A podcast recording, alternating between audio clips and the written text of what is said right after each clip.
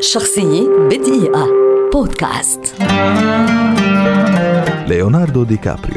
ممثل أمريكي شهير ولد عام 1974 ويعد أحد أفضل الممثلين في تاريخ السينما العالمية ويذهب النقاد إلى اعتباره أفضل ممثلي جيله على الإطلاق. بدأ ديكابريو مسيرته بالظهور في الإعلانات التجارية قبل حصوله على أدوار ثانوية في بعض المسلسلات في بداية التسعينات إلا أنه لعب دوره السينمائي الأول عام 1991 في فيلم Critters 3 ثم ظهر بعدها بسنتين في فيلم This Boy's Life. لكن الإشادة النقدية الكبيرة الأولى التي تلقاها كانت عن أدائه الاستثنائي في العام نفسه في فيلم What's Eating Gilbert Grape الذي أهله للترشح لجائزة الأوسكار لأفضل ممثل مساعد. عام 1997 حقق ديكابريو شهرة عالمية خارقة من خلال فيلم تايتانيك الذي حقق أعلى إيرادات في ذلك الوقت. ومنذ بداية القرن الحالي قدم ديكابريو أداءات عظيمة في مجموعة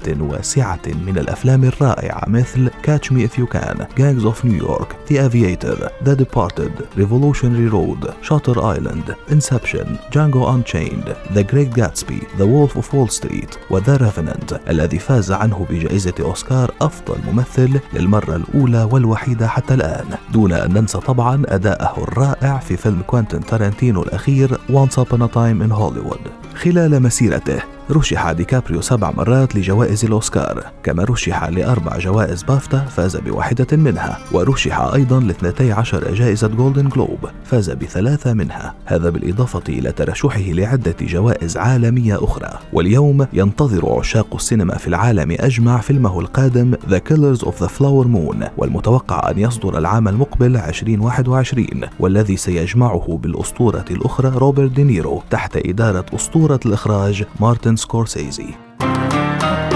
شخصية بدقيقة. بودكاست.